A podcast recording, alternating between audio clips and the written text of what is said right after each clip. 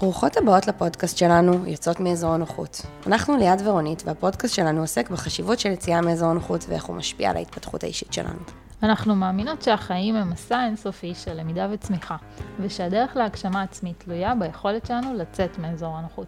יצרנו מפת דרכים שמבוססת על הניסיון שלנו, יחד עם כלים, ידע ופרקטיקות שונות שאספנו. מהם הדברים שעוזרים לנו לעשות את זה, ומהם הדברים שמקשים עלינו. בכל פרק ניגע בנושא אחר. שתהיה האזנה נעימה. היי, אז uh, ברוכות הבאות לפרק הבא שלנו, והוא בנושא שבהחלט משפיע עלינו רבות, דחיינות, וליאת, תעידי כמה את הפרק עצמו דחיינו. על דחיינות, כמה, כמה אה, קלאסי. כמה קלאסי, כמה כן, כן, לא, עכשיו יש רעש, לא, עכשיו יש זה, לא, אי אפשר, לא, זה צריך להיות ככה, לא, זה צריך להיות ככה, לא, בואי נעשה את זה כמו שצריך, לא זה. מפה לשם התגברנו, התיישבנו, סיכמנו יפה, ואנחנו הולכות לדבר על הנושא הזה. אז uh, ליאת, מה הכי מפריע לך בדחיינות, בפן האישי? וואו, האמת, כל כך הרבה דברים. זה פרק, זה פרק שאני מרגישה כמעט פדיחה להקליט אותו ברמה של כמה דברים אני דוחה. מעניין למה דחיינו. מעניין למה דחיינו אותו. אמ, תראי, אצלי זה יכול להיות, ואני מניחה שהרבה מהמאזינות שלנו הזדהו עם זה, זה יכול להיות ברמה של כלים בכיור. עכשיו, ברור. בואו נדבר על זה שיש לי מדיח בבית, אין פינוק כזה, זה רק לא, להעביר שונה. אותם מהכיור למדיח. לא, רק לפנות את המדיח ולשים הכל בחזרה. רק לעשות כביסה, רק, תקשיבי, אני, אני ממש מובכת להגיד שכבר איזה שבוע יש לי בגדים מייבש, יבשים, שפשוט עוד לא הוצאתי וקיפלתי. למה זה הורס אותם? כי הם נשארים מקובצ'צ'ים כאלה. אה, לא, לא, אבל אני מייבשת רק בגדים כזה, את יודעת, שהבד לא... שלא אכפת לנו, כן. לא, וגם שהבד לא אה, נהרס, כאילו, לא יהרס. אז אבל למה? אבל אה, אני לא יודעת איך להסביר את זה. זה מרגיש לי כאילו אנרגטית, חבל לי על הזמן. יש לי דברים יותר חשובים לעשות, וזה פשוט כזה נדחה עד שיש לי איזה קריזה שאני אומרת, טוב, יאללה, עכשיו אני אסדר את הבית, עכשיו אני... כן, ממש. ואז אני מתאפסת על זה, אז או, זה נגיד... או כן. משהו שמאוד עוזר, שאיזו חברה מתקשרת, היי, אני באה עוד שעה, פתאום, אז כזה, אה, כל נכון. זה, זה גם נכון. היית, היינו אמורות לה, להקליט את הפרק הזה אצלי בבית, ואני מודה שממש סידרתי את הבית אה, שעה לפני. זה. נכון. ממש נכון. אני סידרתי רק את הפינה כרגע, אבל אה, זה בגלל דברים אני, אחרים. אני גם אורחת קבועה, זה כבר לא נכון, להרשים, סתם. נכון, רק מה שמצולם אה, מסודר כרגע. אה, אז, אז זהו, אז יש את זה, ויש את ה... יש את הדברים האחרים שהם אה, יותר גדולים, שזה יכול להיות איזשהו פרויקט שאני רוצה לעשות, ואז אני פשוט אה, לא עושה אותו. או, אה, כי זה יכול להיות, לא יודעת, אני לא יודעת אפילו מאיפה להתחיל, הכל נראה לי גדול מדי. כן. עכשיו, בתור קואוצ'רית, אני לא הסנדלר הולך יחף, אני יודעת שמפרקים למשימות קטנות ולא מלחיצות בשביל להתחיל לפעול. ולפעמים כשזה משהו שהוא גדול מדי, אפילו המשימות הקטנות מלחיצות כן. אותי. נכון. אמ, אנחנו עוד נצלול לזה פנימה בהמשך הפרק, אבל זה באמת איזושהי מין תחושה כזאת עם עצמי, האם אני מסוגלת לעשות, לא מסוגלת, כמה אמונה יש לי אה, בדבר הזה שיצליח או לא יצליח, ו... אה, וזה ככה דברים ש, שגם יוצא לדחות לפעמים, אבל אני באמת חושבת שהדחיינות אה, הכי קלאסית שלי זה מה שאמרתי, מטלות הבית, הדברים הקטנים. הדברים הקטנים. ו- ואיך את פוגשת את זה? כאילו, ברור שיש את הדחיינות הקטנה. יש לי את זה המון בעבודה, עם דברים שכאילו הכנסתי לראש שאני לא אוהבת לעשות אותם. כאילו שהם uh, כאלה יחסית משעממים, שהם כאלה יחסית uh, כאלה מונוטונים, כאלה דברים ש... זה לא כיף, בגדול. פשוט לא כיף, לא יבוא מזה כיף, והמוח שלי פשוט לא מעוניין לבצע את הפעולה. אה, יש גם דוחות ודברים כאלה שהם כאילו סוג של אני עושה לעצמי תעודה על העבודה שלי ללקוח, ואז אני ממש ממש לא אוהבת לעשות את זה ומדחיינת את זה עד לרגע האחרון שכבר לא נעים שלא נשלח הדוח, למרות שהנתונים טובים. אבל בשבילי הם לא מספיק טובים, וזה לא מה שהייתי מצפה, ותמיד יש כזה איזשהו פקפוק עצמי, או וואטאבר יש שם, ואז רק כשיש לחץ, אני מצליחה כאילו לבצע את זה. כי אני תמיד מגיעה לאין ברירה, ואז אני עושה את זה. את מדברת פה גם על באמת איזושהי, איזשהו סוג של פרפקציוניזם. ברור. אה, זה מזכיר לי, האמת, אה, בתואר, שגם הייתי כזה צריכה ללמוד למבחן, והייתי מנסה להעריך כמה זמן הולך לקחת לי ללמוד למבחן. הייתי אומרת, אוקיי, אני יכולה, אני רואה את החומר כזה, את יודעת, יש בעוד בחינה כזה של 60 עמודים, של 200 עמודים, ה-60 עמודים פתאום נראה לך בקטנות, בקטנות. אה, והייתי פשוט אומרת, טוב, יאללה, שלושה ימים, כל יום כזה 20 עמודים, אני ככה אוכלת את זה, והכל סבבה. ואז אה, מגיע אה, לרגע האחרון, ופתאום אני כזה, וואי, אבל החומר, כאילו, משהו לא נקלט לי, וזה הרבה יותר מסובך, והייתי כאילו עם הלשון בחוץ, רק מיד הדחיינות הזאת. והייתי אומרת, למה? אבל היה לך שבוע, יכול להיות עוד ארבעה ימים באיזי לעשות נכון, את זה. נכון, נכון. זה ממש אה, מעגל של כאילו, את דוחה, את מגיעה לזה שאין לך ברירה. את עושה את זה בזמן שלו, שנשאר לך, ואז את כועסת על עצמך שלא עשית את זה בזמן שהיה לך כן לעשות את זה בצורה טובה. כן. זה כזה, לא, אם היה לי יותר זמן, אבל היה לך יותר זמן. האמת שאני יכולה לתת לזה דוגמה ממש מעכשיו. ממש ממש מעכשיו. אה, מישמיש הכלבה שלי אצל ההורים שלי, mm. אה, הם עושים עליה בייביסיטר, והסיבה שהם עושים עליה בייביסיטר זה כי אמרתי להם שיש כמה אה, סרטוני וידאו שאני רוצה להקליט. אני לא, לא אשתף פה כרגע מה הסיבה, אבל משהו שקשור לעבודה. והיא כלבה קצת נבחנית, היא שומעת רעשים מהשכנים, מהשדרה, וזה מתחילה לנבוח. פודלים. ממש. ולא יכולתי לקחת סיכון שהיא ככה תפריע לי בטייקים, ושלחתי אותה להורים. ואמרתי לעצמי, טוב, יאללה, יש לי שבוע שלם, אני אוכל ככה לעשות את זה. ואז אה, אני קמה בבוקר, יש לי איזה משהו שאני תופסת יותר דחוף לעשות. כן. ואז אני אומרת, טוב, מחר, לא נורא, יש לי עוד, עוד חמישה ימים, בסדר. ואז, טוב, מחר, ואז יש לי עוד ארבעה ימים, ואני כבר, אה, איזה יום היום? יום שני, וטרם עשיתי את זה, טרם התחלתי את זה. ואם אני לא אטפס על עצמי ממש מחר, אני אגיע למצב שההורים שלי יגידו לי, אנחנו שמרנו עליה, סתם. ושוב דחית. אז, אה, אז כן, אז אנחנו ממש אה, ככה, אני חושבת שזה פרק ש, שיכול לגעת ב, בכל אחת ואחת מאיתנו, לכל אחת מאיתנו יש את הדברים שהיא דוחה, בין אם זה, כמו שאמרנו, המטלות היומיומיות הקטנות, בין אם זה איזשהו חלום שהיא רוצה, בין אם זה משימה בעבודה שנראית לה שהיא גדולה עליה, כל אחת מהדחיינות שלה ומסיבותיה שלה. אה, ובעצם המטרה של הפרק זה קצת לצלול פנימה ולהסביר למה בכלל אנחנו דוחות דברים, איזה אסטרטגיות יש. אה, בעצם כדי להפסיק לדחות דברים שחשובים לנו. אז אה, בואי ככה נתחיל ונצלול אה, יותר okay, פנימה okay. לפרק. אוקיי, אז, אז מה זה דחיינות? אז דחיינות היא עוד אסטרטגיה של הגנה על הערך העצמי שלנו. בעצם, אה, אני עכשיו מתייחסת לדברים היותר גדולים ברשותך, אנחנו יאללה. נגיע אחר כך לדברים הקטנים, באמת מה שדיברתי על כביסה וכלים ולסידור הבית. אה, אז דברים לפעמים שאנחנו דוחות, כמו מה שנתתי דוגמה, איזשהו אה, צילומים או פרויקט או משהו שאת רוצה לעשות ואת דוחה, אה, יש לך איזושהי שאיפה, איזושהי מטרה, משהו ש... כאילו, את נורא רוצה לעשות, אבל יכול להיות, וגם זה לרוב לא ברמה המודעת, שעמוק עמוק בפנים יש לך איזושהי אמונה שזה גדול עלייך, שלא בטוח שאת תצליחי לעשות את זה, שאם yeah. כן. תצליחי לעשות את זה, זה לא יהיה בדיוק כמו שחלמת שזה יהיה. אה, ואז אנחנו פשוט נכנסות לאיזשהו מצב שעדיף לנו מנטלית ונפשית להימנע ולדחות את הדבר הזה, כי בעצם כל עוד אני דוחה, זה פוטנציאל שזה עדיין קיים. כן. הסיפור שאני יכולה לספר לעצמי בראש זה, טוב, מה, אם אני אה, סתם כן. אצלם את הסרטון הזה, בדיוק, כשאני אצלם את הסרטון הזה, זה יהיה וואו, זה יהיה מדהים, ואני אעשה את זה בטייק אחד, ואני אהיה כזאת מעולה, ויהיה לזה מלא צפיות ו whatever. אה, וזה קיים, זה אפשרי, ואני רק צריכה להתאפס לעצמי ולעשות את זה, והפוטנציאל כן. קיים בראש. כן. אה, וברגע שאני אשכרה עושה את זה, יש את הסיכוי שאני לא אצליח, וזה מציאות. לא יצא כמו שרציתי. בדיוק הפער בין המצוי לרצוי. לגמרי. ובעצם, כמו שאמרתי, זאת אסטרטגיה של הגנה על הערך העצמי, כי כל עוד אני לא עושה, ואני נמנעת, אני יכולה לספר לעצמי את הסיפור הטוב.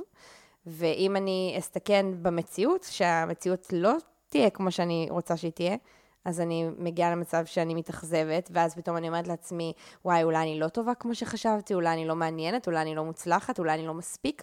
כל אה. הקולות האלו שמעכבים אותנו.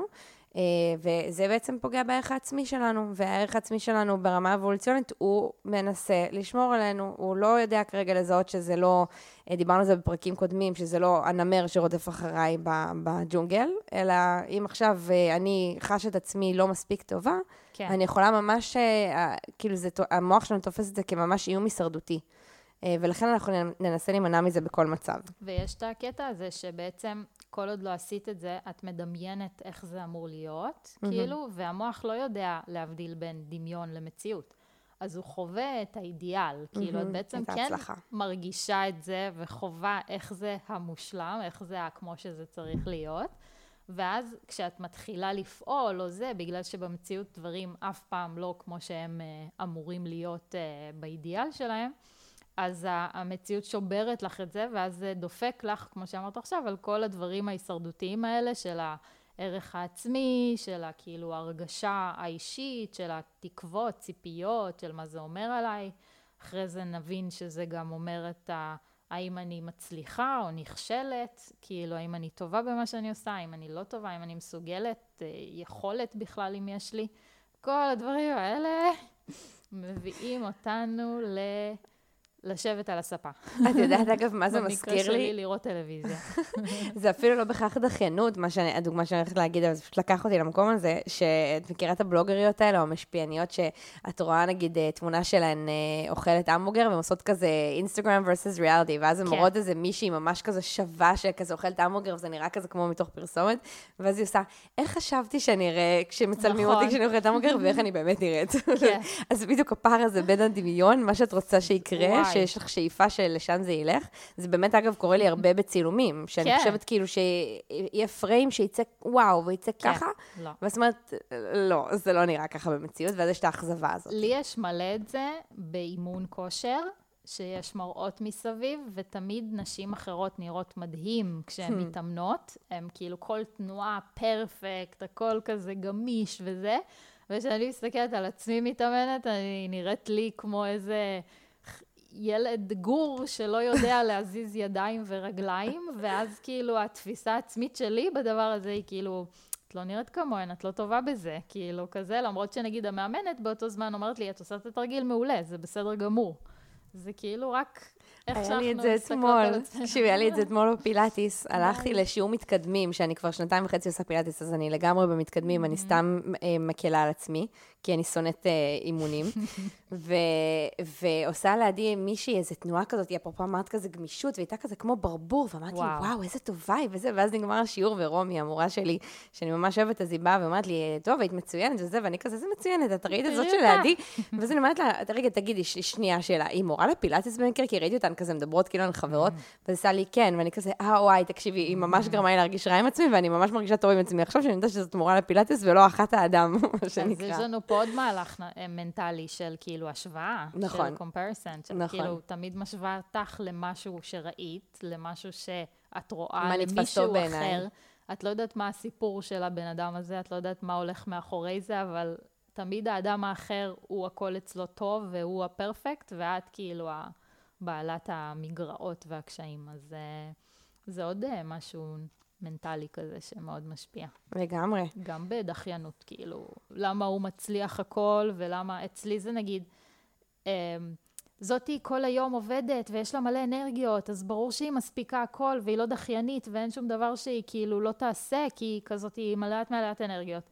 ואני תופסת את עצמי ככאילו, אני מתעייפת בעצם, אני לא באמת עייף, כאילו לא באמת חזקה כמוה, אז אני עייפה, אז אני לא אעשה את הדבר הזה, כאילו. וזה מה שאת אמרת קודם, על ה...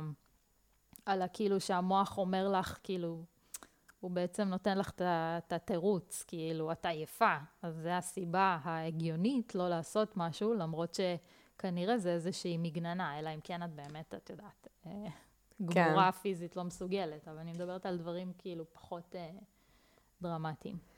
זה אגב אה, נכון גם באופן כללי, כשאני חושבת על, אה, על אה, דברים שאנחנו בדחיינות, אז, אז דיברנו על, על הדברים הגדולים יותר, ויש באמת גם את הדברים הקטנים, וזה זה, זה משהו שהוא הוא, הוא קצת עמוק יותר, כי... אה, אם עכשיו אני אומרת אה, שאני לא עושה איזשהו פרויקט כי אני דחיינית, נכון? אנחנו הרבה פעמים מדברות על עצמנו במושגים של, כן, וואי, אני כזאת דחיינית, אני כן. כזאת עצלנית, אני כזאת... דיבור אה, עצמי שלילי, כן. דיבור עצמי שלילי, ואגב, אני ממש זוכרת בלימודים שלי של האימון באדלר, שהמורה שלי אמרה לי, אני כאילו כל הזמן הייתי מעידה על עצמי כמה אני דחיינית, והיא אמרה לי, את לא דחיינית, והייתי ממש מתווכחת איתה, וזה היה מעצבן אותי, את לא מכירה אותי, את לא תגידי לי לא שאני לא דחיינית, ואז היא אומרת לי, את לא דחיינית, אז אמרתי לה, איך את יכולה לבוא בהצהרה כזאת? אז היא אומרת לי, יש דברים שאת לא דוחה? אז אמרתי לה, כן. אז היא אומרת לי, מה למשל? לא זוכרת כבר איזה דוגמאות נתתי לה, ואז היא אומרת לי, בבקשה, את לא דחיינית. אז אמרתי לה, אבל אני כן דוחה א', ב', ג', אז היא אומרת לי, בסדר, את דוחה דברים מסוימים, את לא דחיינית. כשאת אומרת שדחיינית זה משהו ברמת הזהות, אני דחיינית. אה, אז מה זה אומר? אז, אז אם את לא כאילו דחיינית במובן הזה, אז מה, מה היא ניסתה להגיד לך? שזה בעצם הולך למה שהתחלתי להגיד מקודם, על זה שזה, שזאת אסטרטגיה להגן על הערך העצמי שלנו, כי היא אומרת לי, אם יש דברים שאת לא דוחה, את לא יכולה להגיד שאת דחיינית. את דוחה דברים מסוימים. עכשיו, אם, אם, אם תחפרי בעצמך לעומק למה את דוחה את אותם דברים מסוימים, כן. את תגלי שזה בגלל שאת אה, לא מספיק בטוחה בזה שאת תצליחי, יש לך איזשהו פחד מכישלון, אולי פחד מהצלחה, את, כאילו זה יכול ללכת לכל מיני כיוונים, אבל, אבל שאנחנו לא סתם דוחות, אין דבר כזה בן אדם שהוא דחיין. כאילו, mm-hmm. עכשיו, עכשיו, כשאני כבר... הוא מתחמק. הוא מתחמק. עכשיו, כשאני כבר אה, מאמצת את עצמי כדחיינית ברמת הזהות שלי, ואני אומרת שאני דחיינית, אז אני גם אדחה את ה... אה, לקפל את הכביסה ו, ולרוקן את המדיח, כי אני דחיינית, אז ברור שאני גם עושה... זה כמו הטרנד של הטיקטוק. כן, אז, אז, אז, אז כאילו אני דחיינית, אז ברור שאני גם אעשה את הדברים, אני לא אעשה את הדברים הקטנים, כדי להצדיק את זה שאני... אז זה עובר לשלב הכאילו, זהו, ואצלי זה גם תמיד היה בא, כאילו, את, אה, אני הכעס העצמי הזה, על, על שאת הפרויקטים הגדולים ואת ה-life goals שלי, אני כאילו לא עומדת בהם ולא עושה אותם, אז כאילו, אז אם לא השקעת בזה זמן, למה שתבזבזי את הזמן על, על כביסה וכלים, שזה לא מביא אותך לשום מקום, ואז את כאילו קופאת, את כאילו מקבלת תגובה כזאת, של אצלי לפחות, אחרי זה גיליתי שזה גם uh, קשור קצת להפרעות קשב וכאלה, של מין קיפאון כזה, של too much ו-overwhelm ו-overthinking וכל הסיפורים האלה שמשפיעים על הערך העצמי ועל מה שאנחנו שומעות את עצמנו, אומרות לעצמנו בראש. ו- ואז כאילו זה כזה, או הכל או כלום. אם את לא משקיעה כל יום שלוש שעות בכל פרויקט גדול שיש לך, אז גם את לא תעשי כלים, כי כאילו לא עשית את זה, אז את לא תעשי את זה, כזה, מה שאמרת. לא משנה, מסובך, המוח שלנו מסובך, ואני מקווה שמישהו מזדהה איתי, ואם לא, אני אבדוק את זה בצורה יותר מסודרת. אה, אז אפשר קצת לדבר על, ה, על הסיבות והגורמים אה, לפרפקציונ... לפרפקציוניזם, לדחיינות, אני פשוט כבר מובילה לפרפקציוניזם, אה, שבאמת אחד מהם זה, זה בעצם נושא שאנחנו מתחברות אליו ברמה האישית, העניין של הפרפקציוניזם, ואני ממש מרגישה שבשנים האחרונות אני לומדת לאט לאט לשחרר ולהוציא, מה שנקרא, לאוויר העולם, גם דברים שאני לא מאה אחוז שלמה איתם. אה, כי אני כבר ברמת מודעות מאוד גבוהה, שאני אומרת, אוקיי, עדיף לא מושלם, אבל להיות בעשייה, מאשר להיות בהימנעות, כי שוב, ההימנעות הזאת זה חלק מהדחיינות, זה מה שאני לא כן. עושה. וואו, אה, פרפקציוניזם זה נושא, קודם כל, כאילו, אנחנו, יש לנו שעות לחפור עליו גם בפני עצמו, כי זה, זה עוד מאפיין אישיותי כזה. Mm-hmm. ובעניין של ה, של, המת, של ה, כאילו, לא מטלות, של הדחיינות, זה כאילו...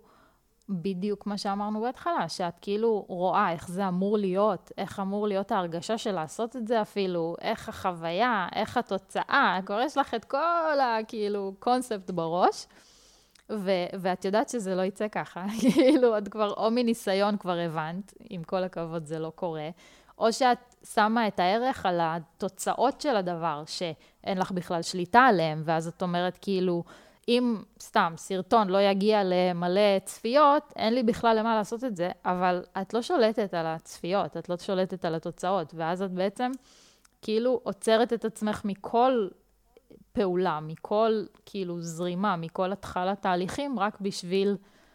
ה, כאילו, רק בגלל שאת כאילו מאמינה לדברים האלה שהם גם בכלל לא קרו עדיין. אגב, יש לי פתרון ספציפית, נקודתית, לדוגמה שנתתי עם הסרטון, אמ, לחשוב על, על אם, אם, אוקיי, אם אני הולכת לדחות את זה, כי mm-hmm. זה לא, נגיד, יגיע לאלפי צפיות, כמו שאני סתם שואפת. אה, אז לחשוב מה המוטיבציה שלי מלכתחילה, האם אני הולכת אה, לצלם את הסרטון בשביל להיות ויראלית, או האם אני אצלם את הסרטון כי אני רוצה אפילו ששני אנשים יתרמו מהדבר נכון. הזה. וזה, נתנו דוגמה לסרטון, אבל זה נכון לכל דבר. אם רגע לוקחים את זה לעולמות האלה של דברים שאני דוחה כי אולי התוצאה לא תהיה באיזה scale מסוים, אבל אני יכולה לתרום למישהו, לעזור למישהו, להשפיע על מישהו, לגעת במישהו. כן. כאילו, להיזכר רגע מה המוטיבציה הראשונית שלי הייתה. אה, יכול להיות מאוד שאם המוטיבציה הראשונית הייתה אה, להגיע לאלפי צפיות, אז אולי את לא צריכה לעשות את זה בכלל. נכון. כי המוטיבציה שלך היא לא מהמקום הנכון. אז זה כאילו גם בא על הזווית של מה הערך והמשמעות של הפעולה שאני עושה. כי אם אני תופסת סרטון שהוא מצליח רק כמשהו ששווה את זה בעצם, אז אני לא אעשה שום דבר כי אני לא מגיעה לתוצאות האלה. כאילו, אני אמשיך לדחיין את זה כי הוא לא שווה את זה, כי הוא בחיים לא יגיע, כי נכון, הוא... נכון, זאת איזושהי שאיפה לשלמות ש... שאני חושבת שגם אנשים פרפקציוניסטים, אה, עזבי, אני אפילו לא לקחת אותי ואותך כדוגמה, כי אנחנו באמת נורא במודעות ועבודה, את יודעת, התפתחות אישית וזה, אנשים שנגיד אין להם את המודעות הזאת. אני חושבת שגם הם, אם תשבי איתם לשיחה ותשאלי אותם אם הם מאמינים במושלם, הם יגידו לך שלא. כן. הם שואפים לזה, כי הם חושבים לשחרר. שאולי הם, אה, סליחה, כאילו, שאני ככה אומרת, אולי הם כאילו מעל כולם, שהם יכולים להיות מושלמים, אבל אין דבר כזה מושלם, זה כמו אנשים שמפחדים לטעות, אין מישהו שלא עושה טעות, נכון. זה, זה חלק מלהיות בן אדם אנושי. בן אדם אנושי, משפט מאוד הגיוני. אפרופו, הנה, הפרפקציוניזם והטעויות שאנחנו, שאנחנו עושות. ואני חושבת שברגע ש, שיש לך איזושהי שאיפה לשלמות, כשאין דבר כזה מושלם, אז לא משנה מה תעשי, את תמיד תהיי מאוכזבת, כי את עובד נורא קשה, את בחיים לא. תעמדי בציפיות של עצמך. השאיפות כל כך גבוהות שהן בלתי ניתנות להגיע. מתיש. ואז אה, את פשוט, את יודעת, כאילו, את, את, את תמכרי, את כאילו תשני פחות, ולא תיפגשי עם חברים, ולא תאכלי, ולא זה, אני עכשיו חייבת שהמצגת הזאת אה, לעבודה תהיה מושלמת, מושלמת, מושלמת, מושלמת. כן, זה לא ההתאבססות נכנסת לדיטיילים האלה, במקום באמת לתת את ה... כאילו, את השחרור הזה של אין לי באמת שליטה על הכל, אין לי באמת יכולת לעשות הכל מושלם, זה לא קיים, אין דבר כזה. אז כאילו, את מתאבססת בדיטיילס, כי את חושבת שבזה את כן יכולה לשלוט, וזה כאילו הולך על מלא רמות. זה שליטה, כאילו נכון. עובד גם לא רק בדחיינות, זה עובד גם ב, כאילו בעבודה, בדברים, כאילו ש... ככה זה. זהו, אני מרגישה שיש לנו עוד המון מה להגיד על, פר- על. פרפקציוניזם, אבל בואו נשאיר את זה לפרק על פרפקציוניזם. אוקיי. ואנחנו בעצם אה, אה, נעבור לעוד סיבה ש, שגורמת לדחיינות, זה, זה חוסר משמעות ורלוונטיות. זה שהרבה פעמים יש לך איזושהי משימה, אני סתם, אני, ניקח את זה רגע לעולם השכירים אפילו. אה, שהמנהל שלך או המנהלת לא מפילים עלייך, ומבחינתך. כאילו, את לא, את לא מבינה, כאילו, למה, למה אני בכלל עכשיו אשב ואעשה סתם את העבודה הסיזיפית הזאת של אה, להצליב את הרשימות ולעשות ככה, ואת מבחינתך לא הבנת מה הפואנטה של הדבר הזה. כן. ואין לזה משמעות מבחינתך, ואת כזה, טוב, יאללה, זה לא חשוב, אני אדחה את זה, ואני לא אעשה את זה. ו- וזה ומצד שני, זה גם יכול להיות מטיות, מטלות יומיות, יומיומיות כמו של אה, פינוי מדיח או כביסה, שכאילו, אוקיי, זה לא כזה רלוונטי, זה לא כזה משמע, כאילו, משמעותי, בסדר, כן, יהיה היום, יהיה עוד לא שבוע, לא קריטי. אה, שוב, לאלה מאיתנו שאין מיליון ילדים ומלא כביסות שאי אפשר, אני חושבת על מי שיש לה ילדים, היא לא יכולה להשאיר את ה- כאילו, המבש אה, עם כן, בגדים לא, בכביסה, זה כבר כאילו כל יום יש. כביסות, זה ממש פריבילגיה. דחיינות זה פריבילגיה של אנשים שיש להם זמן, אין להם לחץ, לגמרי. ויש מלא מקום. ויש מלא מקום. כן, זהו, זה דחיינות אה, של אה, של אנשים, אה, הדוגמה הזאת ללא ילדים, הם לא יכולים להרשות לעצמם. כן. אני אשמח לשמוע, אגב, אם יש אימא כזאת שעושה את זה, זה זה יהיה נורא מרתק לדבר על זה, אבל נראה לי שזה פשוט בלתי אפשרי, בטח לילדים קטנים. אני מקווה שיש בן זוג ואחד תומך בשני, כשמישהו לא, לא בקפסיטי לבצע את הדברים האלה. חד משמעית, זה סופר. חשוב. אמ, עוד אה, סיבה לדחיינות זה תחושת חוסר אמ, יכולת או היעדר המיומנויות לזה. אם אני חושבת שאני לא אצליח לעשות את המשימה, שאין לי את הכלים, כן. אה, אז אני הרבה פעמים אה, אמנע מלבצע אותה. אני- ראי ערך, למה לא הקלטנו את הפודקאסט הזה המון זמן? בואי תספרי, למה לא הקלטנו את הפודקאסט הזה המון זמן? כי אני נגיד לא מפחדת מטכנולוגיה, אבל זה טכנולוגיה יחסית, כאילו זה עדיין ללמוד תחום חדש לגמרי, כי החלטנו שאנחנו מקליטות ו- ועורכות לבד, ועושות את זה לבד, ולא הולכות לאיזה אמ, סטודיו ודברים כאלה, ו... ופשוט השפע שיש בעולם הזה, וה, והצורך הזה להתחיל למצוא את האביזרים המושלמים, מושלמים. אפרופו זה גם, פרוידיאני כזה. זה משהו להגיד? למצוא את האביזרים שצריך, להבין מה זה אומר, ללמוד עכשיו סאונד, כמה התוכנת עריכה הזאת היא שנואה עליי, עליי בעיקר. אה, זה המון המון יציאה מאזור הנוחות, אה, ש, ש, שאת, אין לך, כאילו, את קופצת למים, ו, וזה פשוט, אה, לפעמים, ה, ה, ה, בוא נקל על עצמנו רגע, בואי נוותר שנייה, הוא ניצח. כן. אה, וזה זה. ועד היום, נגיד ברמת הפרפקציוניזם, המיקרופונים שלנו מאוד מעצבנים אותי, שהם נראים כמו מיקרופון כזה של, אה, של זמרים, ולא כמו מיקרופון של אה, פודקאסט. פודקאסט, ואני לא יודעת למה אני ויתרתי ועשיתי את זה, אבל אנחנו משחררות. עשיתי קצת רעש, לא נוח. אז uh, זהו, אז, אז חוסר יכולת, או אין לך את המיומנות, אין לך את זה, זה, זה לגמרי יביא לדחיינות, כי את כאילו מפחדת את חושבת שפשוט את לא מסוגלת, את לא כן. יכולה, אין לך איך לעשות את זה. אין לך מושג מאיפה להתחיל בכלל, אז... וזה, דרך אגב, זה כן. קורה לי המון, כי אני, אפרופו דיברת על טכנולוגיה, אני, אפרופו הגדרת, הגדרת זהות, אני mm-hmm. מגדירה את עצמי כטכנופובית, שבתכלס, אם אני ממש ממש ארצה... ניסיתי לא להוציא אותך מהארון, אבל כן, בסדר. כן, אני ממש אצליח אה, כנראה ללמוד כל דבר, יש לי את האמונה העצמית הזאת, אבל לפעמים כש, כשאני באמת עייפה, או יש לי עומס של דברים אחרים, אז כאילו אין לי כן. פניות אנרגטית ללמוד ממש. משהו מאפס, ש, ששוב, הוא לא אינטואטיבי לי, כאילו, יש לי, זה כמו, זה כמו להסתכל על זה שיש אנשים שהם יותר הומניים, יש אנשים שהם יותר ריאליים, אז זה לא שאני לא יכולה ללמוד אה, איך לפתור את התרגיל הזה במתמטיקה. אני סומכת כן. לעצמי שאם אני ממש אשב על זה, אני אעשה את זה.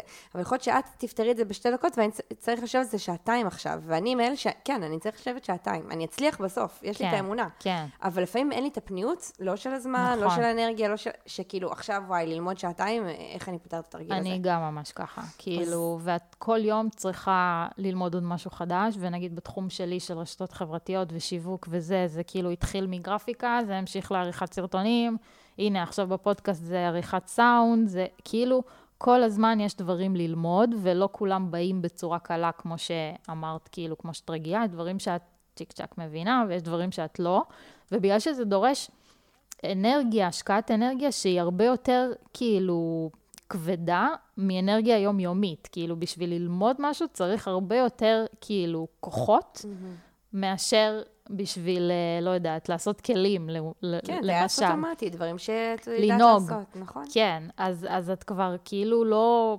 הכובד של עצם המחשבה הזאת, כשאת בעומס מנטלי, שאת בעומס, גם סתם עומס רגיל רציונלי, את כאילו לא, לא מצליחה, ו... התוצאה היא דחיינות. כן, ובא לי רגע גם לנרמל באמת בדיוק את מה שאמרת עכשיו, רונית, את זה שיהיו דברים שהם פשוט יותר קשים לנו, זה לא אומר שהם לא אפשריים, אבל זה אה, יכול לתת לכן את התובנה למה אתן בכלל דוחות את זה, כי זה פשוט יותר מאתגר לכן, וצריך יותר פניות נפשית, רגשית וזמנית לדבר הזה.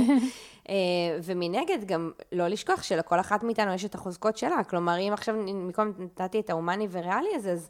אז כן, דברים שלי באים נורא בקלות ואני משקיעה בהם אפס מאמץ, מישהו אחר צריך ללמוד את זה שעתיים, כן. ואני בכלל כאילו, ואז, וזה, אפרופו השוואתיות גם, זה וואי, למה היא עושה את זה מהר, אני כבר שנים, נכון. וככה אני מרגישה, ואני מדברת על זה גם הרבה באינסטגרם, מאוד פתוח, עם הפודקאסט הזה.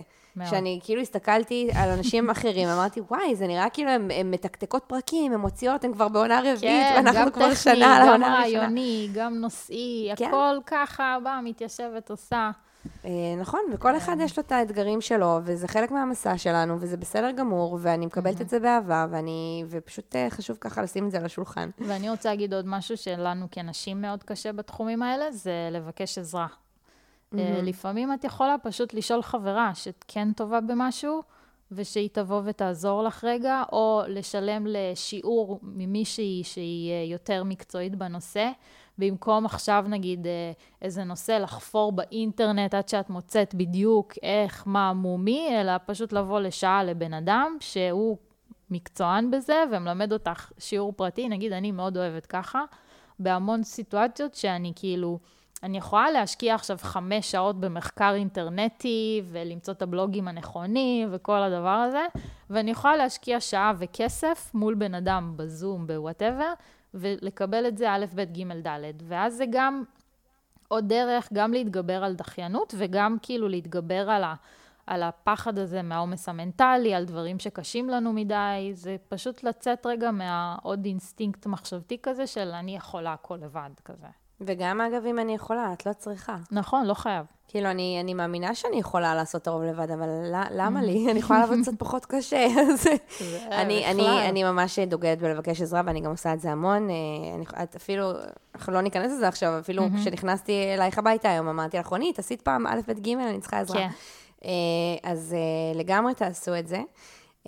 והסיבה, אגב, אני חוזרת, אנחנו כזה בכזה סוטות, ואני כל פעם מחזירה אותנו חזרה, אז הסיבה האחרונה, ואחר כך אני שנייה אעבור עליהם בזריזות כדי להזכיר, הסיבה האחרונה אה, למה אנחנו דוחות דברים, זה כשיש עמימות למשימה, כשאני לא לגמרי מבינה מה אני אמורה לעשות, אה, שאני חושבת שזו משימה גדולה מדי, שהיא בלתי אפשרית למימוש, זה כמו שאני אגיד לך, בואי עכשיו תעשי פאזל של עשרת אלפים חלקים, ואת כזה, וואט Fuck, כאילו, איפה אני מתחילה את הדבר הזה עכשיו? אם אני אגיד לך, תעשי פאזל של 50, אז סבבה, זה בדיוק המקום הזה של הפירוק למשימות קטנות. אם אני לא יודעת, אם זה נראה לי גדול מדי, אני לא אעשה את זה. אה, זה יכול להיות גם אה, באמת עבודות גמר, תזה, כל מיני דברים אה, כן, של לימודים. אני קוראת התנס... לזה פרויקטים. כן, בדיוק. זה פשוט פרויקט. התנסות ראשונית בתחומים חדשים, דברים שמעוררים פחד מהלא נודע. אז מצבים כאלה אנחנו באמת נדחה את המשימה. אז אני רגע עושה כזה ריקאפ לסיבות ולגורמים. אז בעצם זה, דיברנו על פרפקציוניזם שמשפיע, אה, על חוסר משמעות ורלוונטיות, כשאנחנו לא כל כך mm-hmm. מבינות מה הפואנטה ומה המשמעות שם מאחורי הדבר הזה, על תחושת חוסר יכולת או היעדר מיומנות, דיברנו על mm-hmm. זה בהקשרים אה, המתמטיים, אה, וכשיש עמימות למשימה, כשאני, אין לי מושג בכלל מה, mm-hmm. מה קורה פה, מה המשימה, מאיפה להתחיל. אז יכול להיות גם, כאילו זה לא או זה, או זה, או זה, או זה, זה יכול, להיות, גם כן. שילוב של כמה, זה בכלל, לגמרי יכול להיות כאילו... שילוב, לגמרי, אני ממש מתחברת לשילוב הזה. טוב, אז סיכמנו שיש הרבה סיבות וגורמים לדבר הזה, וזה יכול לבוא לידי ביטוי בהמון המון דרכים, ואנחנו צריכות להיות במודעות עצמית ולראות כאילו מה קורה לנו. אבל יש גם סיטואציה, סיטואציות רבות שאת לא קולטת שאת בכלל בדחיינות. שאת בעצם כאילו בטוחה שההתנהלות שלך היא ממש, אה, היא רגילה, וזה לא איזה פונקציה של דחיינות, ש, של כל המהלך המנטלי הזה, וזה כמו ש... את מכירה את זה שיש לך איזה פרויקט, יושב עלייך, אבל עכשיו בא לך לסדר את הארון. עכשיו בא לי לנקות. לא, אני לא ניקיתי חודש, אבל עכשיו, אני חייבת לנקות כדי להרגיש, לתת לעצמי וי במוח, שאני כן עושה משהו אפקטיבי ויעיל, ואני לא בעצם מדחיינת. אבל יש פה מהלך של דחיינות, כי זה כנראה הגיע על חשבון משהו אחר. אם זה לא הגיע ו- ואת אוהבת לנקות ולסדר, אנחנו מעריצות אותך. אני באה לי שתבואי לנקות לי את הבית. ואני גם uh, אשמח uh, ללמוד איך זה, אבל, uh, אבל כאילו זה, זה איזושהי דרך כזאתי. לפעמים, את נתת קודם דוגמה, שכשאת שכירה ומפילים עלייך איזה משהו שאת לא מבינה בכלל מה המשמעות שלו, אז את מתעלמת מזה. ועכשיו, אנחנו לא בהכרח נגיד כאילו, אוקיי, עשיתי דחיינות פעילה, אלא פשוט העברתי את זה מתחת לרדאר, כאילו העפתי את זה לאן שהוא, לעולם הלא לא נודע, ואז uh, בעצם uh, אני יכולה לפעול ככה לנצח ולא לקלוט שזה בגלל הסיבות האלה שאמרת קודם, שזה בגלל שנתנו לי איזו מטלה שאין לה ערך ולא הבנתי למה אני בכלל צריכה לעשות את זה. או זה בגלל שאני פרפקציוניסטית מדי, ואז אני פשוט... לא מסוגלת להתמודד עם זה, כי זה גדול מדי. אז אני פשוט, פלק, הצידה, לצד, זה כאילו, איך זה בא לידי ביטוי הדחיינות? בדרך שהיא לא דחיינות קלאסית כמו שאנחנו מדמיינים אותה, שזה פשוט כאילו להיות במודעות לזה שאת לא הולכת לעשות את זה כרגע. יש לי משימה ואני לא עושה אותה. כן. בדיוק, כן. שאת כאילו, אוף, למה אני לא עושה אותה. לפעמים יש uh, משהו ש, שאת מתחילה, וזה נורא קשה פתאום, ואת קולטת שאין לך זמן, או שאין לך את האנרגיות, או שוואטאבר, ואז את אומרת, טוב, יום אחר. זה מאוד פשוט, זה דחיינות קלאסית, אחד לאחד, אבל זה כאילו, אני לא דחיינתי, אני התחלתי לעשות את זה. אבל מה שקרה בשלב ב' גרם לי כאילו לדחיינות מאוחרת, כמו זוגיות מאוחרת, כאילו זה בא אחרי שכבר התחלת. אמ, אה, זה גם עובד עם כל מיני הפסקות, זאת אומרת, את, את גם תוך כדי פרויקט, עבודה, משימה, את לוקחת, לא, לא, אני חייבת עוד הפסקה, אני חייבת עוד הפסקה. רגע, עכשיו נצא רגע, רגע זה. לי זה קורה, נגיד, שאני עובדת עם אנשים במשרד, ו- וכבד לנו, כאילו היה כזה, כבד, אין לאף אחד כוח, אז את בקלות זורמת. את רוצה הפסקה רגע? כן. את רוצה לרדת רגע? כן. את רוצה לשתות רגע? כן. את רוצה... כאילו, ואז אנחנו פשוט... אה, כן, מתאיידים ככה. אה, עד, ל, עד לשלב של הוויתור העצמי המוחלט, שהוא כאילו... אה, שיש בעצם פער בין השאיפות שלך למידת המאמץ שאת מוכנה להשקיע, זה כמו באמת להגיד, אני רוצה להצליח לרוץ 10 קילומטר, אבל אני יוצאת לריצה פעם בשבועיים. אני בחיים לא אצליח כן. לבנות את הכושר ככה. זה פער מאוד קריטי, כן. שמביא את זה. כן. זה צריך ממש לחשוב על הדברים האלה, להיות במודעות, כי... זה בסוף דברים שהם, אה, אנחנו כל כך, כאילו, כל יום אנחנו חיות מתוך הראש שלנו, ואנחנו לא תמיד מודעות לזה שזה כאילו הדרך שבה אנחנו חוות את העולם, ולא המציאות. כאילו, הכל נראה לך כאילו שככה זה החיים, אבל אם את עוצרת שנייה ומסתכלת רגע, וכאילו נמצאת בהתבוננות עצמית, את מבינה ש... וואלה, זה נובע מזה, זה נובע מזה, פה אני פרפקציוניסטית, פה אני ככה, פה אני לא מרגישה שיש לזה ערך, פה זה כאילו מרגיש לי גדול מדי. כאילו יש לכל דבר המון סיבות, וכאילו הדרך לפרק את זה כמו, כמו כאילו לעשות reverse engineering, כאילו לראות מה התוצאה, ואז ללכת אחורה, להבין מה המהלך שהוביל אותך לזה. למה אני בכלל דוחה? כאילו, בדיוק, מנטלית, נפשית, אישיותית, וואטאבר. אה, ריאליסטית, לפעמים זה יש מציאות, אבל אנחנו כאילו מדברות יותר על הפן, ה... הפן שלא קשור למציאות. אמ, אוקיי, אז אה, בואי נגיד, כאילו, אני תמיד מתלבטת בדחיינות בין הדברים שהם כאילו עם דדליין, והרי כשיש לזה דדליין, אז את בסוף תעשי את זה. נכון, כי, יותר סביר שזה יקרה. כי אחרת את, את לא דחיינית, את פשוט קוויטרית, את כאילו, את, את לא בסדר, כאילו, את מוותרת. נכון.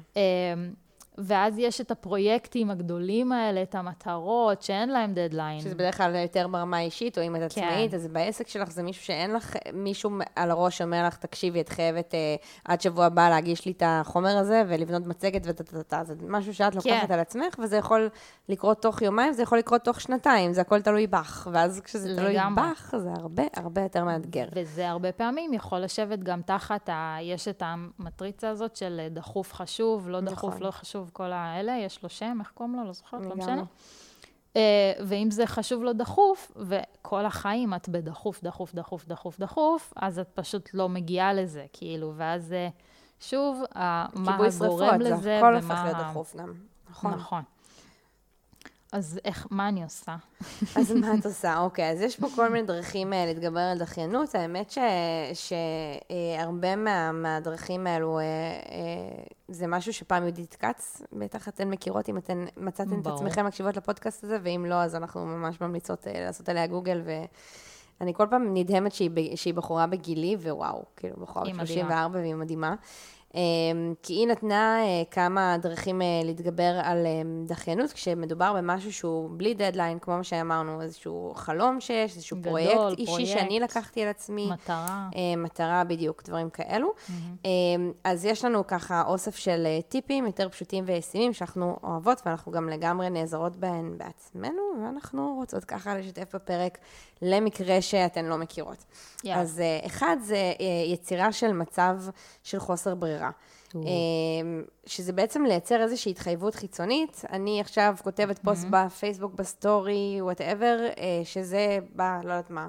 אני הולכת לצאת עם הרצאה חדשה ב-10 למרץ. אין לי הרצאה כתובה, אולי יש לי איזה רעיון, אבל עכשיו כולם יודעים, כולם, כאילו כל מי כן. שנתקל בפוסט או בסטורי. אה, ועכשיו אני מרגישה שיש לי איזושהי מחויבות חיצונית, כי אנשים הולכים לצפות שבעשירי למרץ תהיה לי הרצאה, אז אני, כן. זה כמו, זה כמו accountability אפילו באיזשהו מקום. אה, הדבר השני זה accountability, אבל גם, האמת שגם זה קצת accountability. זה social accountability. כן, כי אני מרגישה שכאילו אני אאכזב, בדיוק, אני אאכזב אנשים, כן. גם ברמה, כאילו, גם אם לא באמת, אבל אני ביני לבין עצמי כן. ארגיש שאני מאכזבת, אה, ולכן אני אעשה את זה. כי יש משהו חשוב במניעת דחיינות, זה התחושת מחויבות. Mm-hmm. בין אם זה דדליין, בין אם זה לאדם אחר, בין אם זה כאילו, הלוואי שזה לעצמי היה הערך העליון, כן? זה עבודה שאנחנו עושות כאילו בפן ההרבה יותר עמוק, שמוצאים עוד יותר את הסיבות לפרפקציוניזם, ועוד יותר את העומק של הפחדים, פחד מכישלון, פחד מהצלחה, כל העולמות האלה.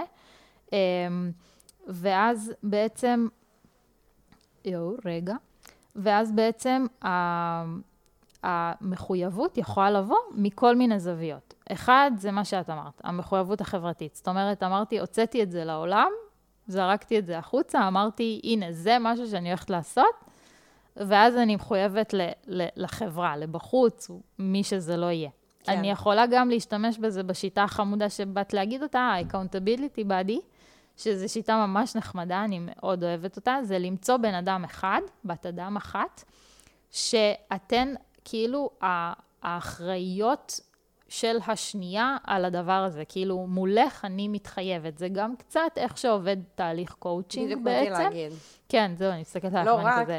כן, זה לא רק, אבל זה קואוצ'ינג. כן, זה גורם, אם אני נותנת לך שיעורי בית, את כנראה לא, כאילו, יש גם כאלה, אגב, היו לי מתאמנות בדיוק. כאלה, אבל לרוב את, את לא תבואי ב, לפגישה ותגידי, לא עשיתי שיעורי בית, כי כאילו כן. באיזשהו מקום לא נעים לך ממני כזה, כי את, זה זה קצת אני, כמו- כאילו מצופה ממך כזה. זה קצת כמו להירשם ל, לספורט, לקורס בדיוק. ספורט, שאת יודעת שאת מחויבת כלפיה, כן, גם אם קבעתי לעשות בן אדם. או אפילו אם אני קבעתי לעשות איתך הליכה, פחות נכון. סיכוי שאני אבריז, כי אני יודעת שאת מחכה לי ופיניתי את הזמן בלוז, ואנחנו עושות את זה ביחד, מאשר מה, אני לבד עושה הליכה טוב? לא בא לי, לא משנה. כן. ואז אני לא עושה. זהו, אז כאילו להתחייב למשהו אחר, לאדם אחר, זה כאילו הכי אה, אפקטיבי שיכול להיות, כמו אה, accountability body והחוסר ברירה שאמרנו כאילו בלפרסם משהו. אה, ויש נגיד גם אה, פירוק למשימות קטנות ולא מאיימות, שדיברתי על זה מקודם, שזה כן. באמת לקחת משהו שנראה לי אה, נורא גדול, ואם אני כל הזמן נותנת את הדוגמאות מחיי האישיים, אם עכשיו אני רוצה לבנות הרצאה ואני קצת כזה, אין לי ניסיון בזה, אז אני לא לגמרי יודעת מאיפה להתחיל, אז יכול להיות שהפירוק למשימות קטנות זה יהיה לחשוב על נושא, ואז לחקור את הנושא, ואז לשבת עם כן. מישהו או כמה מישהים ולשאול אותם אם יש להם טיפים, לעזור לי לבנות הרצאה, ואז יכול להיות שאני... אה, התחיל לכתוב אותה, ואז יכול להיות ש... כאילו, יש לזה ממש שלבים בדרך, זה לא, אוקיי, אה, אני רוצה לכתוב הרצאה, אז בואו נפתח מחשב ונפתח, ונכתוב כן. את ההרצאה. אגב, אם, אם אתן ברמת בשלות לעשות את זה, אז גם לכו על זה, אבל מבחינתי זה פרויקט גדול, ולכן אני יכול אפצל להיות את זה. שזה השלב הראשון דווקא, לפתוח ולכתוב יכול להיות, אבל בראש. זה מה שאני אומרת, כל, כל אחת תיקח כן. את זה למה ש, שלא מאיים עליה, כי עליי זה מאיים לעשות, אז אני אדחה נכון. את זה. ואם אני אומרת, אוקיי, רגע, אני היום עוד לא כותבת כלום, אני היום רק חושבת על רעיון, ומחר אני רק אה, חוקרת על רעיון, ומחרתיים אני רק יושבת לקפה עם מישהו שיכול... כן. אז זה מרגיש לי פחות מאיים, כי זה בשלבים, וזה אגב מזכיר לי לחובבות פרנדס פה, אה, שאם אתן זוכרות, יש את הפרק בחברים שצ'נדלר ומוניקה אמורים אה, להתחתן, והוא מקבל רגליים קרות, והוא ממש כזה, כאילו נעלם להם לפני החתונה, ואז אה, רוס אה, מוצא אותו, והוא בא אליו, והוא אומר לו, כאילו, בוא נעשה את זה שלב אחרי שלב, כי הוא כזה, מבחינתו להתחתן זה, זה דבר מאוד גדול. הוא אומר לו, בוא, רק תשים את החליפה, רק תשים את הנעליים, ואז הוא אומר לו, אוקיי, ומה השלב הבא? ללכת להתחתן. הוא נכנס אליו. אבל, אה, אבל ממש כאילו לפרק את הדבר כן. הזה לדברים קטנים, וזה הרבה פעמים עוזר ב... אני רוצה להגיד על זה שעל עולם הפירוק למשימות יש כאילו עולם שלם, זה עולם שלם, יש שם מיליון קונספטים ושיטות ו- ודרכים לעשות את זה, ומה זה משימה קטנה ומה זה משימה גדולה, ומה זה פרויקט וניהול פרויקטים וניהול זמן, וזה עולם ומלואו, אה, לגמרי, כאילו אותי הוא מאוד אה, מעניין. אה, אז, אז כאילו אפשר ממש ללכת ולחקור את זה, אה, אם רוצים, אה, וכאילו רוצים למצוא את השיטה שעובדת לנו. ועוד דבר שחשוב בדבר הזה, זה פשוט לקחת את הצעד הראשון. כאילו, תמיד יש השפעה לזה שבעצם עשית משהו אחד. כאילו, התחלת את האינרציה, התחלת נכון. לגלגל את הגלגל. קפוץ למים. בדיוק. אז, אה, אז כאילו, משהו כבר התחיל, וזהו, את בפנים. אז זה, גם ברמה הזאת, זה חשוב העניין הזה של המשימות קטנות. אה, לי יש משהו שאני ממש אוהבת, פרסים, סתם. מתנות מתנות. קטנות. אה, כמו ש- שהייתי קטנה, אז אה, לפני בדיקת דם, אמא שלי הייתה אומרת לי, אחרי הבדיקה אני אקנה לך מדבקות, ואז אני כזה, יהיה משהו לצפות אליו. זה כמו שננית או רופא שיניים שהיה מביא לך אה, נכון. סוכריה. סוכר... רופא שיניים שמביא סוכריה זה רופא שלא צריך לחזור אבל אליו. כמה, אבל וואי, לי כל אבל הילדות היו מדבקות מביאים אני לי. שמחה לקבל מרופא תמיד שיניים. הם מביאים לי סוכריות. באמת? כן. זה כאילו נוגד את כל ההיגיון. אני מקווה שהם לא אולי סוכר. שננית לא, אבל- אבל אבל רופא שיניים כן. זה כזה של פעם. וואו, נכון. זה ממש של פעם. ה-90. אבל אה, אה, דוקטור טל בן שחר, יש לו ספר, מלא ספרים של אה, כאילו אה, אושר והתמודדות עם פרפקציוניזם ודברים כאלה. אז, אז הוא אומר שאחרי שפירקת למשימות ועשית שלבים, שימי לך גם rewards, שימי לך פרסים קטנים, שימי לך כאלה אה, שאפו שאת נותנת לעצמך על הדבר הזה, ואז יש לך עוד איזה מוטיבציון, מוטיבצ... מוטיבציה קטנטנה חמודה כזאת. חיצונית, אבל כן. אמ, לעשות את זה. כאילו, אחד, פעולה אחת שהיא קשה, פעולה אחת שהיא חיובית, מעודדת, נכון. נותנת אנרגיות. ישבתי עכשיו שעה לכתוב את ההרצאה שלי, אז אני אעשה הפסקה של 20 דקות וראה פרנדס, כן, למשל, פרק של 20 דקות. וזה בסדר. אז אה, עוד אה, דרך להתגבר על דחיינות אה, של משהו בלי דדליין, שהוא דווקא די obvious, זה לנטרל שואבי זמן. באמת. כל כך בסיסי. טלפונים, טלוויזיה, אה, כל מיני אנשים אה, שמנסים לבקש עזרה, לא יודעת, אני חושבת על אם את... וואטסאפ.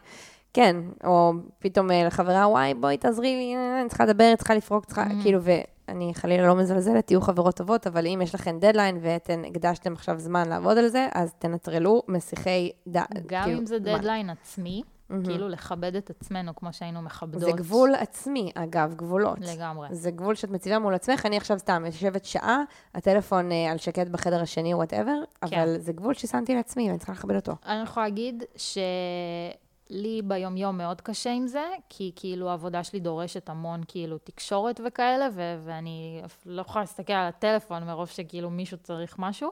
אז uh, לפעמים אני באמת נותנת לעצמי את הזמן בסופש אפילו, כי זה בשבילי, כי זה משהו טוב, כי זה לא עבודה, כאילו, אלה דברים שאני אומרת לעצמי כדי לקבל את זה שאני תכלס עובדת בסופש, אבל זה אני עובדת למען מטרה גדולה וחשובה, איזה פרויקט אישי שלי, ו, ובגלל שזה זמן אידיאלי שבעצם הרוב שקטים בו, וגם שקט בחוץ, וגם אין אנשים, אין עבודה, אז כאילו מצאתי לי את הפתרון הזה.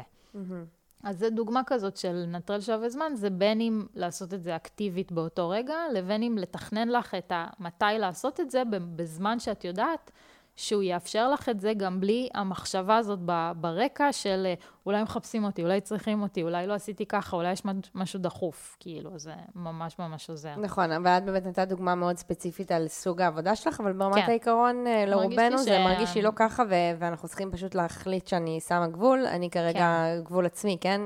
אה, שמשתקף החוצה, של אני רוצה עכשיו שעה, שעתיים, whatever, לשבת, ואני לא נותנת לדברים אה, להסיח לי את הדעת ולשאוב לי זמן. זה לגיטימי, מותר להיות לא זמינה. לגמרי.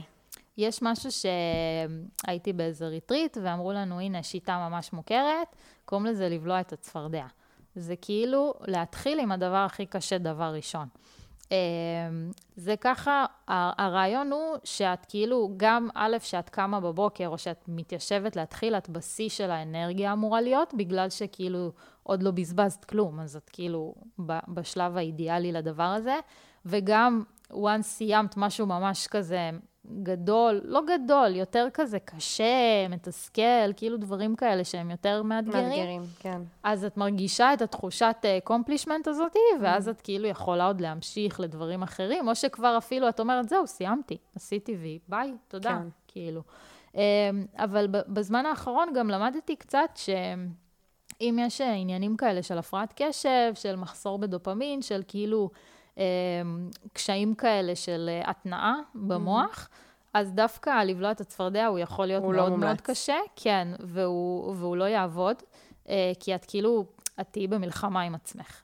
אה, ואז מה שממליצים בסיטואציה הזאת זה להתחיל דווקא עם איזושהי מטלה קטנה, שזה עוד איזה קונספט כזה שדיברנו עליו. ב- נכון, לסדר את ב- המיטה למשל בבוקר. בדיוק, כזה. כן. כאילו כן להשיג איזשהו וי קטן שקל להשיג אותו בחיים, בשביל הבוסט הזה של, ה, של ההורמון הזה, של האנרגיה, של המצב רוח, של ה... תחושת כאילו, מסוגלות גם. בדיוק. אה, לעבור לדבר הבא. Mm-hmm. כאילו, ודווקא לבנות מקל לכבד יכול לעבוד לאנשים מסוימים. זה כמו הפירוק מסיבות קטנות, כן? זה בדיוק. בדיוק זה- מהקלים יותר אל הכבדים יותר. זה שוב מחזיר ל... תבדקי עם עצמך, תעשי ניסויים, תנסי בדיוק. שיטות, תלמדי, עד שתמצאי מה שעובד לך, וגם לפי גם- זמנים.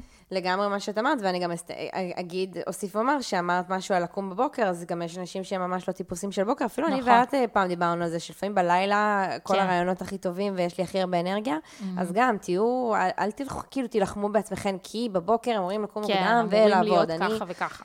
אני מנסה את זה שנים, זה בינתיים לא כזה הולך לי. נכון. כאילו, אני, אני טיפוס יותר של לילה, אני מרוכזת יותר בלילה, הולך לי יותר טוב. אה, אז גם תהיו מאוד קשובות לעצמכן, מה שעובד נכון. לכן, אנחנו ככה נותנות אה, הצעות הגשה, זה כן. לא... כאילו אה, אפשר, אין אמת אחת. אפשר ל, ל, לראות במהלך היום מתי הרגע שיש לך בו דווקא את הכי כוח. פרץ נקרא לזה, פרץ יש אנשים אפילו. שזה קורה להם אפילו אחרי צהריים, יש אנשים שהפוך, אחרי ארוחת צהריים הם כאילו מפיל אותם, נכון. נרדמים על הספה. יש אנשים שבערב פתאום מתעוררים, יש אנשים שעל הבוקר הם הכי ערניים, אז כל אחת, וכאילו איך שעובד המערכת שלה. בדיוק. פשוט תהיו אמ, בקשיבות עצמית ותהיו מודעות לדברים האלה. וכמו שאמרנו, אנחנו מציעות, אתן אה, תיקחו את זה אה, לחייכן נכון. שלכן. אה, והדבר האחרון אה, זה השיטה של אה, מל רובינס, שיש לה את כלל החמש שניות. ממש אוהבת אותה, אגב. כן, היא, היא מאוד היא מדהימה. נותנת מוטיבציה. עוד אחת לחפש ככה כן, ברשתות. כן, חפשו את מל. מל רובינס. אז היא מדברת על שיטת החמש שניות, שהיא פשוט אומרת, אוקיי, יש לי איזושהי משימה, אני סופרת חמש, ארבע, שלוש, שתיים, אחת, ועושה אותה. עכשיו, מה בעצם ה... מה, מה הקטע? הטריק? מה הטריק, מה הקטע של השיטה הזאת?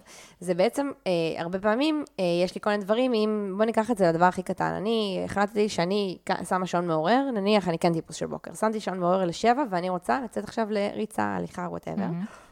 ואני יודעת שסיכוי טוב שכזה אני אהיה ישנונית ולא יהיה לי כוח לקום, ואז כאילו אם אני אשים שעון מעורר אני אשים נודניק, ואז בין הנודניקים אני אגיד וואי, אבל חם, אבל קר, אבל אמ-המ. יש לי יום ארוך, אבל אין לי כוח ואני לא אספיק להתקלח, ומתחילים כל התירוצים, כן. שבינתיים התירוצים האלה, מה הם עושים? הם גורמים לעוד נודניק, עוד נודניק, ואז כזה, אה, כבר רבע לשמונה, אין לי זמן, לא משנה, נכון. ואת כבר לא עושה. ואת פשוט כאילו מוותרת על כל הדבר הזה. ובעצם הקטע של החוק החמש שניות, של החמש, ארבע, שלוש, שתיים, אחת, זה אין לי זמן להתחיל לתרץ את התירוצים נכון. האלה. הם לא נכון, מספיקים עוד להגיע לי לראש, ואז אני כבר קמתי, התעוררתי, שמתי נעליים, כן. ויצאתי לדרך. אה, זה מצחיק, זה פשוט, מדהים. אבל זה ספר שלם. אז כן, כאילו, כתבה על ספר שלם. יש על זה את כל המאיפה זה בא, וגם כעיקרון זה טוב. כאילו, לפעמים את צריכה עשר שניות, ולא רק חמש, לפעמים אני נגיד שמה לי אה, סתם, בערב שקשה כזה לקום להתקלח, אין לך כוח, לא בא לך, את כאילו כיף מול הטלוויזיה. הזכיר את הילדות כזה. כן, זה עדיין, זה, זה סוג של כזה, זה איזושהי דחיינות אה, כזאת לעצמך. כי כן. את כאילו, את, מקלחת זה טוב, אבל איכשהו תמיד לא בא לך להיכנס לי זה בעיקר בחורף כשקר לי. אז אצלי אני כאילו תמיד, אה, כאילו יהיה לי את ההרגשה הזאת, ואז אני מסתכלת בשעון, ואני רואה כאילו, נגיד שאנחנו בשעה לא עגולה, ואני אומרת, אה, נגיד אם זה 9.52, אה, אני אומרת, טוב, ב-10 אני קמה.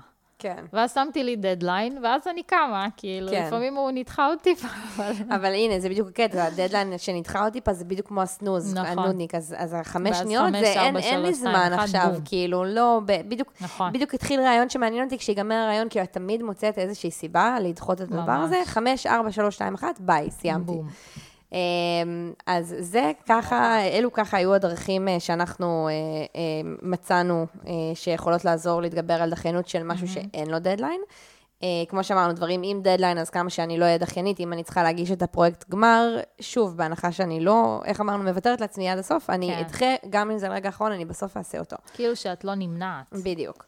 אה, אז בואי נעשה כזה, כזה סקירה על מה דיברנו בפרק. אז דיברנו קצת על מה זה דחיינות. אמ-המ. כל אחת אה, מאיתנו שיתפה איך זה פוגש אותה, איפה אנחנו יותר מתקשות עם זה, למה היא בכלל מגיעה אלינו. דיברנו על זה שדחיינות זה אסטרטגיה להגן על הערך העצמי שלנו, שכשאנחנו לא עושות משהו, תמיד זה יכול להישאר בגדר הפנטזיה, שזה יכול להיות כן. מדהים ומושלם, ואז אין, אין מה שנקרא סיכוי שניפגע.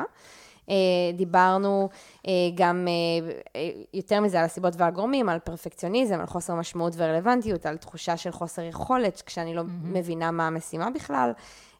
ונתנו ככה כמה דרכים וטיפים שיכולים לעזור לנו להתגבר על, על דחיינות. כאמור, בלי דדליין. ו, וזהו, רונית, יש לך משהו, משהו להוסיף? כאילו, בסוף, כל הדברים האלה, הם כל כך יושבים על ההתבוננות העצמית הזאת, על, על עליות במודעות אלייך, אל המחשבות שלך, אל הדרכי פעולה שלך, אל האוטומציות שלך. אוטומטיים אולי, כן. אוטומטי. הדברים שאת עושה בצורה אוטומטית, אוטומציות, זה כמו פיצ'רים כאלה.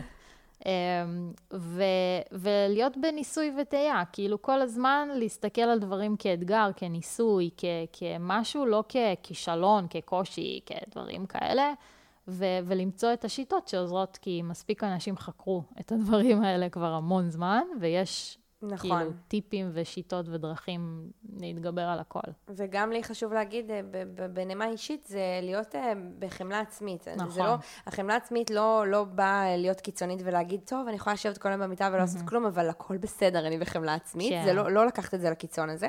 אבל כן, אה, להבין שאם אתן דוחות דברים מסוימים, יכול להיות שיש לזה סיבה עמוקה יותר, אז אולי שווה רגע אה, לפתור את, ה, את הגרעין, את היסוד של כן. הדבר הזה, למה אתן דוחות, ולא להיות בהלקאה עצמית של איזה גרועה אני, שוב לא עשיתי, ואני לא יכולה לסמוך כן. על עצמי, ואני אני כזאת מאפנה, ושום דבר אני לא עושה בזמן, והשיח הזה בטוח לא יקדם אתכן אה, לאן שאתן רוצות. אז כן, תדברו על עצמכן יפה, תחשבו שהייתן אומרות דברים כאלה לחברה, כנראה לא הייתן מדברות ככה לחברה נכון. שלכן, או לבת שלכן, או לעצמכן כילדות קטנות, אני עכשיו חזק בילדה הפנימית. אה, אז תהיו בחמלה עצמית, תנסו אה, ככה לבדוק מה עובד לכן. אה, ואם אהבתן את הפרק הזה, אנחנו נשמח ש... שתשתפו ותפיצו אותו הלאה, אה, כדי שעוד, אה, הוא יגיע לעוד אוזניים. ו... וזהו, היה לנו ממש נעים, כמו תמיד. כן, תודה ליאת. תודה רונית, ביי ביי. ביי.